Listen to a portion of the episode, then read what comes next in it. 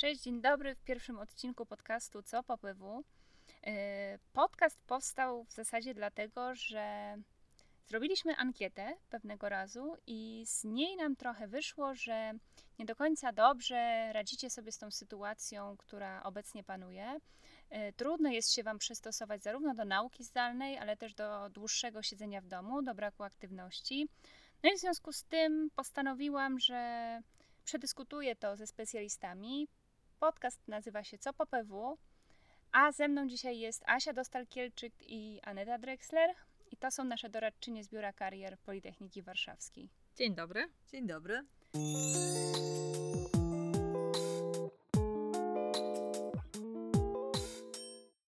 Dzisiaj sobie porozmawiamy tak ogólnie o, o sytuacji, o tym, jak się do niej przystosować i, i w zasadzie dziewczyny, mam do Was takie pytanie, bo jakby wyobrażam sobie, że ten rok i obecna sytuacja powoduje, że mierzymy się nie tylko ze zmianami, do których niektórym no, jest się trudno przystosować, tak jak pokazała nam ankieta, ale też z ogromną ilością bodźców, które do nas docierają z wielu stron. No i te bodźce czasami mogą nam pomagać, a czasami domyślam się, że przeszkadzać.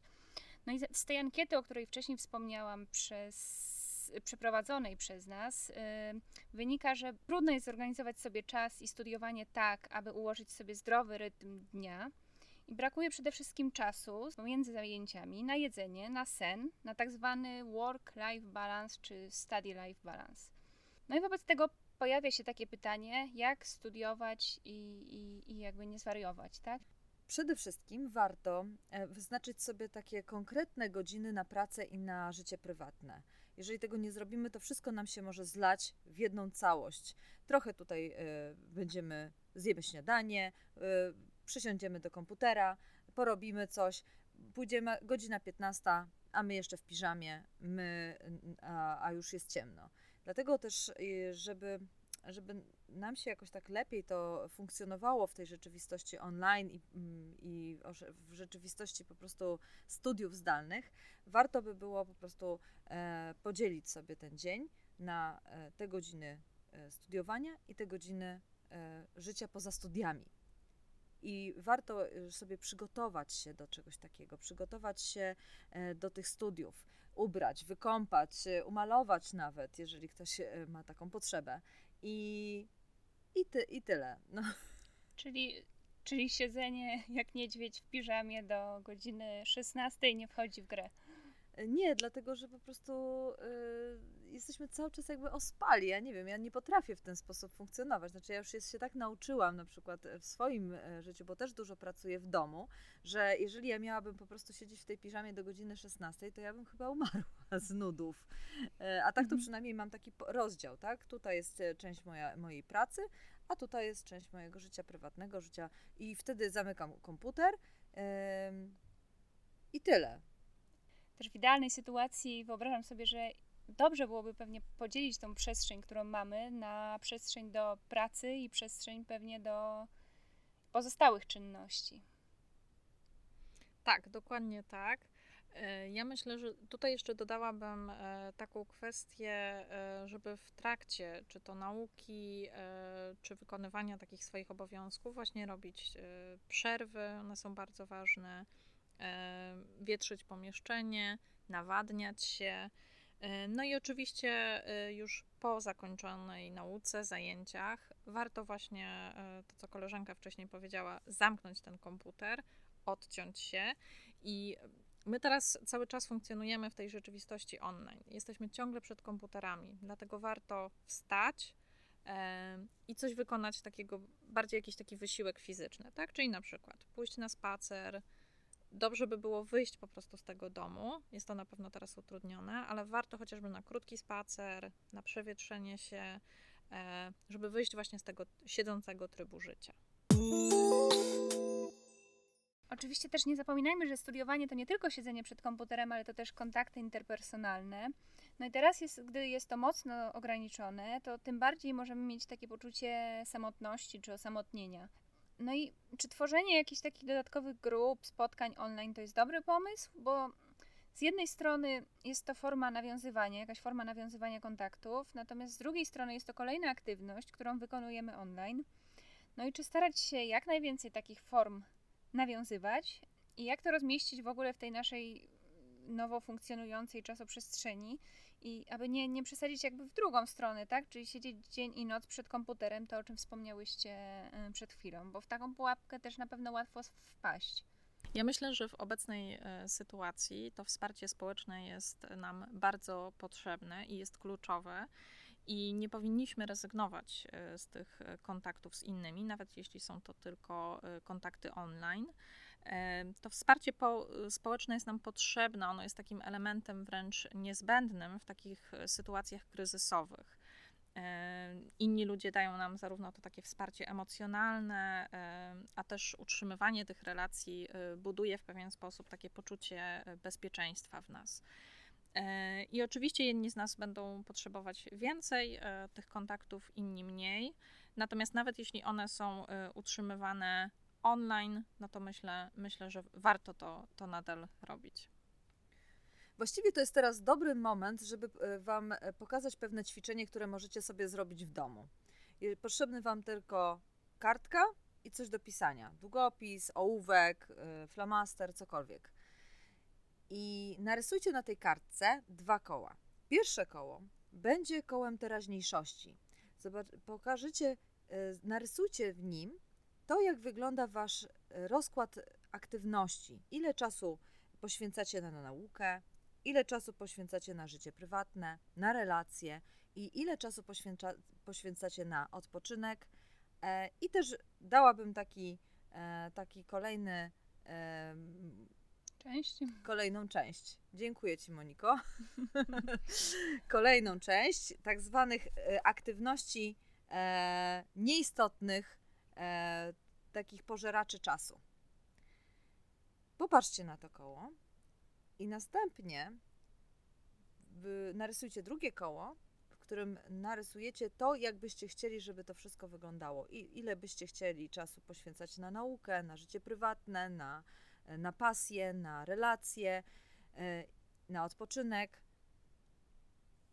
I popatrzcie na te oba koła i zobaczcie i, i spróbujcie sobie odpowiedzieć na pytanie, e, jak bardzo różnią się te koła?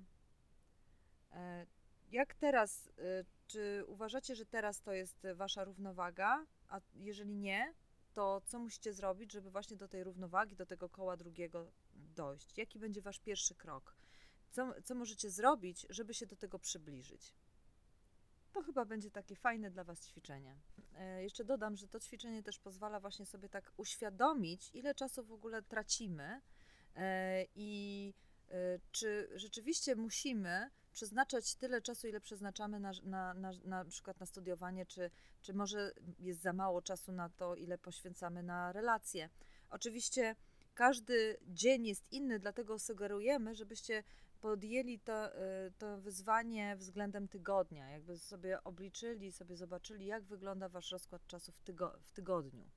To nie musi być konkretnie też napisane, tylko tak tyle o ile i jak to odczuwacie. Czyli musimy chwilkę popracować nad tym i siebie poobserwować. Oczywiście. Mhm. No dobrze, ja się też zastanawiam, bo y, z jednej strony właśnie mówimy o czasie i o tym, jak go wykorzystujemy, a z drugiej strony, no powiedzmy, że już doszliśmy do tego momentu, że jakby wiemy, jak jest, wiemy, jak chcielibyśmy, żeby było, no ale tutaj podejrzewam, że jest ten czynnik motywacja. Hmm. No i zastanawiam się, gdzie szukać tej motywacji, czy jej w ogóle szukać, czy po prostu jakby zostawić to na chwilkę dla siebie, czy, czy coś z tym robić. To może ja odpowiem znowu. E, motywacja nasza wynika tak naprawdę z naszych potrzeb. Potrzebą mogą być nasze relacje z innymi. I możemy na przykład y, budować y, naszą motywację na tej potrzebie. I na przykład motywację do studiowania, do, jakiej, do nauki. Jeżeli e, muszę się czegoś nauczyć, e, to mogę wykorzystać e, to w ten spo, tą potrzebę w ten sposób, że, na, że umówię się ze znajomymi i będziemy się uczyć razem.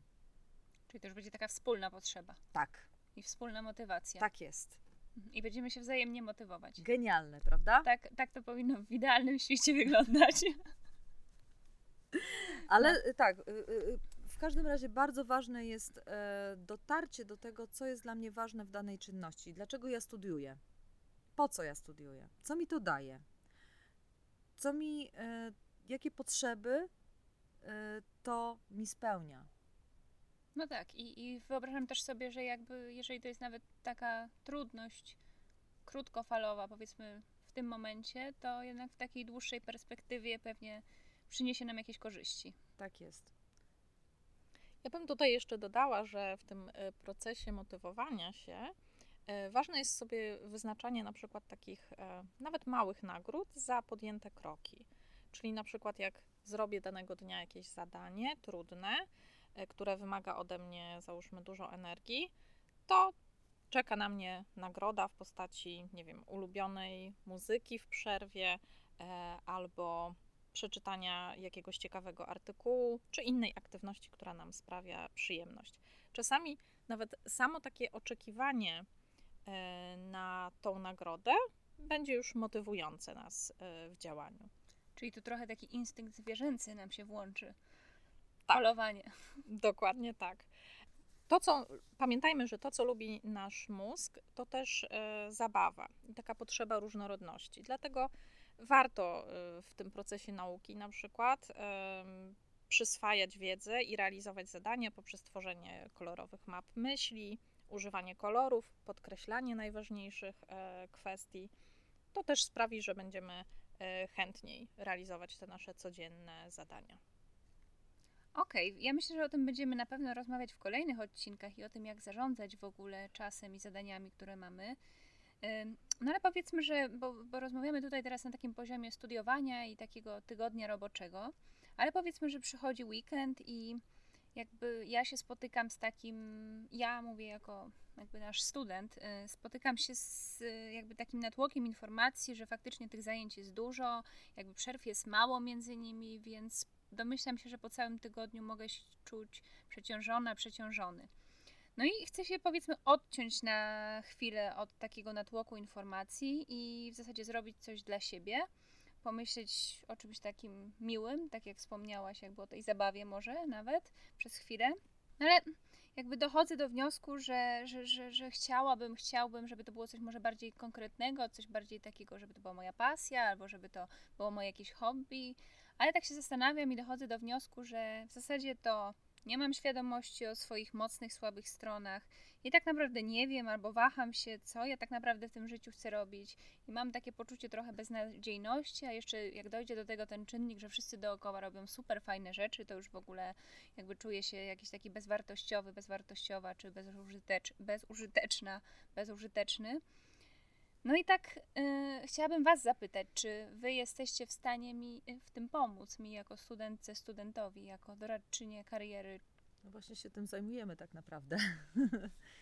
Mm, na co dzień to jest y, główna rzecz, którą, znaczy główna, no też jakby wspieramy w szukaniu pracy, ale jednocześnie, żeby poszukać dobrej pracy, znaleźć ją, e, to warto mieć taką dawkę, dużą dawkę samoświadomości i właśnie my pomagamy w takim rozwoju, w takim budowaniu, w takim poznawaniu siebie.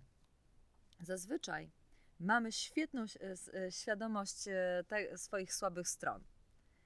Jesteśmy w stanie, wiesz, sypać tymi słabymi stronami jak z rękawa. A bo ja jestem taki, leniwy, e, mało zdolny, tralalala. A jeżeli zapytamy się takiej osoby, a jakie ty masz mocne strony, to bardzo często następuje cisza. Nie mamy, nie wiemy, nie myślimy o tym, dlatego że zazwyczaj każą nam e, pracować nad tymi naszymi słabymi stronami, dlatego mamy dużą świadomość tych słabych stron. Natomiast jest takie powiedzenie, że jeżeli będziesz pracował tylko nad swoimi słabymi stronami, to będziesz miał dużo słabych, wzmocnionych, co prawda, ale słabych stron. Natomiast e, warto poznać swoje mocne strony, swoje atuty, zasoby, bo właśnie bazując na tych atutach i zasobach, możemy osiągnąć sukcesy. Właśnie na tym łatwiej to nam wychodzi. No dobrze, a czy to jest w jakiś sposób mierzalne? Bo wyobrażam sobie, że no, jakby nasze studentki i nasi studenci potrzebują pewnie jakichś konkretów, jakby takiej wiedzy inżynierskiej, chcieliby to zmierzyć. Ile mam, jakie mam mocne strony, jakie mam słabe strony. I to pytanie, czy ja mogę to zmierzyć?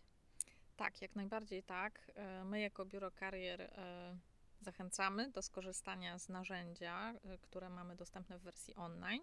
Jest to test IP121, który bada naszą osobowość, bada nasze kompetencje, mocne strony, predyspozycje, ale też z drugiej strony pozwala poznać swoje słabsze strony, żeby zobaczyć nad czym na przykład musimy popracować. Także jest to doskonałe narzędzie, które ułatwi nam poznanie siebie. Czyli jako student, studentka Politechniki Warszawskiej mogę przyjść i taki test sobie wypełnić, tak? Czy on jest online, czy, czy muszę przyjść i z Wami porozmawiać? Jak najbardziej narzędzie jest dostępne w wersji online, także bardzo e, wygodnie można wykonać w domu e, test i zachęcamy, zapraszamy do zapisywania się do nas na konsultacje.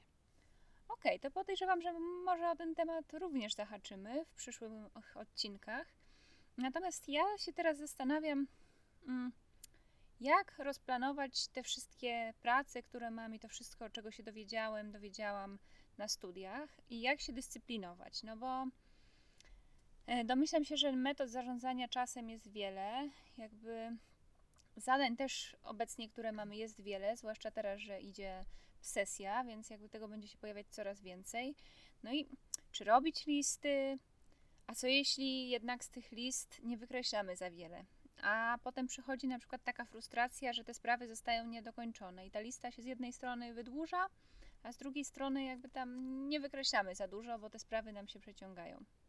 Ja myślę, że pierwszym najważniejszym krokiem jest spojrzenie na to, co mówią badania. Czyli e, to, badania pokazują, że my jesteśmy najbardziej efektywni w godzinach od 8 do 12, czyli rano, wtedy kiedy nasz mózg jest wypoczęty, wyspany. Później około godziny 13-14 ta efektywność spada, by ponownie wzrosnąć około godziny 17. I mniej więcej do wieczora, do godziny 21 jesteśmy w miarę e, w stanie mm, efektywnie funkcjonować. Oczywiście powinniśmy tutaj e, brać różnice indywidualne, ale tutaj jest taka średnia e, podana. Czyli, czyli raczej powinniśmy sobie planować takie trudniejsze zadania typu nauka do egzaminu raczej na te godziny, a pomiędzy wkładać sobie powiedzmy jakby rzeczy, które są poboczne, nie wymagające tak intensywnego skupienia, tak? Dokładnie tak. Tutaj jeszcze dodałabym, że w planowaniu e, tego czasu ważne są też różnice indywidualne. E, pamiętajmy, że e, żeby ten plan dnia był jak najbardziej spójny z nami, z naszymi potrzebami, z naszym zegarem i tutaj wiadomo, że są takie osoby, które będą dobrze funkcjonowały z kalendarzem, z planerem, a są również takie osoby, które dobrze funkcjonują, właśnie działając bardziej spontanicznie. Jeszcze dodam, że e, nieważne, czy dobrze działamy z planerami, czy może nie bardzo, nie lubimy po prostu zbyt takich, e, zbyt mocnych ram nakładanych przez nasze kalendarze, to warto sobie zapisywać zadania, wszelkie zadania na jakieś, nie wiem, w zeszycie, notat, w jakimś notatniku, e, w jakiejś aplikacji. I niech to będą zadania nawet niekoniecznie na konkretny dzień, ale na przykład w, właśnie znowu w przestrzeni tygodnia. E, I przysiadając do tych zadań, warto się zastanowić, które zadanie jest albo najbardziej pilne, albo najważniejsze w danym dniu, albo najtrudniejsze dla nas. I przystępując do, te, do, do pracy, po prostu zaczynajmy od tych zadań. Od tych, które y, na przykład odciągamy, na przykład które są, y, które, y, które są dla nas najtrudniejsze, bo jeżeli e, skorzystamy właśnie z tego, że akurat na samym początku mamy największą efektywność, no to wtedy nam łatwiej to wszystko pójdzie. A dopiero potem zajmujmy się takimi przyjemniejszymi, krótszymi zadaniami, takie, które Mm, które, znaczy wiadomo, że wszystkie zadania są pilne, naj, najpilniejsze, ale tak jak się mówi, że e, mówimy teraz o priorytetach, czyli o liście rzeczy, które są do zrobienia. Kiedyś priorytet był tylko jeden. Mówiło się o priorytecie i traktujmy to właśnie jak e, te nasze zadania, jako e, nie wszystkie że, że priorytety, tylko wybierajmy najpierw ten jeden priorytet, a potem róbmy resztę. To jeszcze teraz takie pytanie klucz na koniec. Co z tą strefą komfortu? Bo to jest takie ostatnio bardzo modne sformułowanie, które pojawia się w zasadzie wszędzie. I jedni się z niego śmieją, drudzy w zasadzie popierają, tak, że, że jakby z tej strefy komfortu trzeba wychodzić i że, że jakby trzeba coś z nią robić. No i właśnie tutaj pytanie, czy w czasach jakby pandemii i czy w ogóle powinniśmy z niej wychodzić, czy się jednak jej trzymać? To jest właśnie moje ukochane pytanie a propos właśnie strefy komfortu. Tak, musisz wyjść z tej strefy komfortu, bo inaczej zgnuśniejesz. Jesteś słaby, jak jesteś cały czas w strefie komfortu, musisz wychodzić, wychodzić, wychodzić. No ja uważam, że no nie do końca to nie jest tak, e, dlatego że strefa komfortu ma jakąś funkcję. E, tak jak zawsze idziemy spać, po to, żeby odpocząć i nabrać sił, to ta nasza strefa komfortu właśnie do tego służy. My jesteśmy w strefie komfortu. Jeżeli jesteśmy w strefie komfortu, to od- odpoczywamy. I ten odpoczynek jest bardzo ważnym elementem tego, co, y, tego naszego życia. I nie warto tak naprawdę wychodzić wiecznie cały czas ze strefy komfortu, e, bo y, wychodzenie ze strefy komfortu wymaga dużej ilości energii. Czyli za każdym razem, kiedy, kiedy pochłania nas jakaś energia, musimy tą energię zregenerować. Dlatego e, warto jest się zastanowić w tych dzisiejszych czasach, e, czy w ogóle zastanowić się zawsze, czy ja mam siły na to, żeby zaczynać coś nowego, zaczynać jakąś zmianę, czy ja mam na to przestrzeń, czy ja znajdę właśnie energię, bo każda zmiana to jest, to jest, e, to jest bardzo duży wydatek energii. Czy może ja po prostu nie mam na to w tej chwili siły i mam ochotę po prostu schować się pod kocem, napić się herbaty, albo po prostu robić nic i, i trochę po prostu odpuścić sobie. To jest, to jest ważne pytanie. E, Nie musimy cały czas mm, się rozwijać, nie, nie musimy cały czas po prostu przejść do przodu, nie musimy cały czas przekraczać tej strefy komfortu. Możemy też pobyć sobie w niej. Oczywiście nie wiecznie, ale to, jest, to, to, to, to musi zależeć też od naszego e, momentu, w jakim jesteśmy tu i teraz. Czyli ogólnie rzecz biorąc, strefa komfortu jest ok, tylko że nie trzymamy jej się kurczowo i, i od czasu do czasu pozwalamy sobie, żeby, żeby ją opuścić na moment, ale potem do niej znowu wracamy. Tak jest, bo też nie mylmy też strefy komfortu z, z taką strefą, gdzie po prostu jest nam bardzo źle i niewygodnie. Bo też to wtedy to, to są dwie różne rzeczy, tak? Jeżeli, e, jeżeli jest nam coś źle i niewygodnie, to rzeczywiście trzeba coś e, spróbować zmienić. E, Mhm. Ale strefa komfortu to jest właśnie ta strefa, gdzie jest, jest nam bezpiecznie. Musimy to roz, rozdzielić, te dwie rzeczy.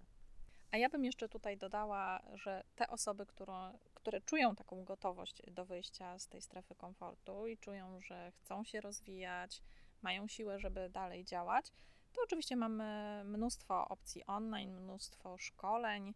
e, Możemy te nasze e, kwalifikacje mm, podnosić i rozwijać się.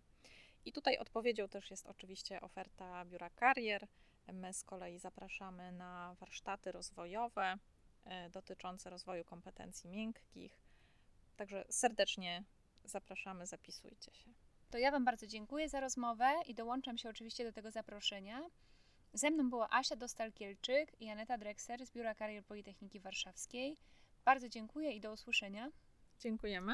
Dziękujemy. you.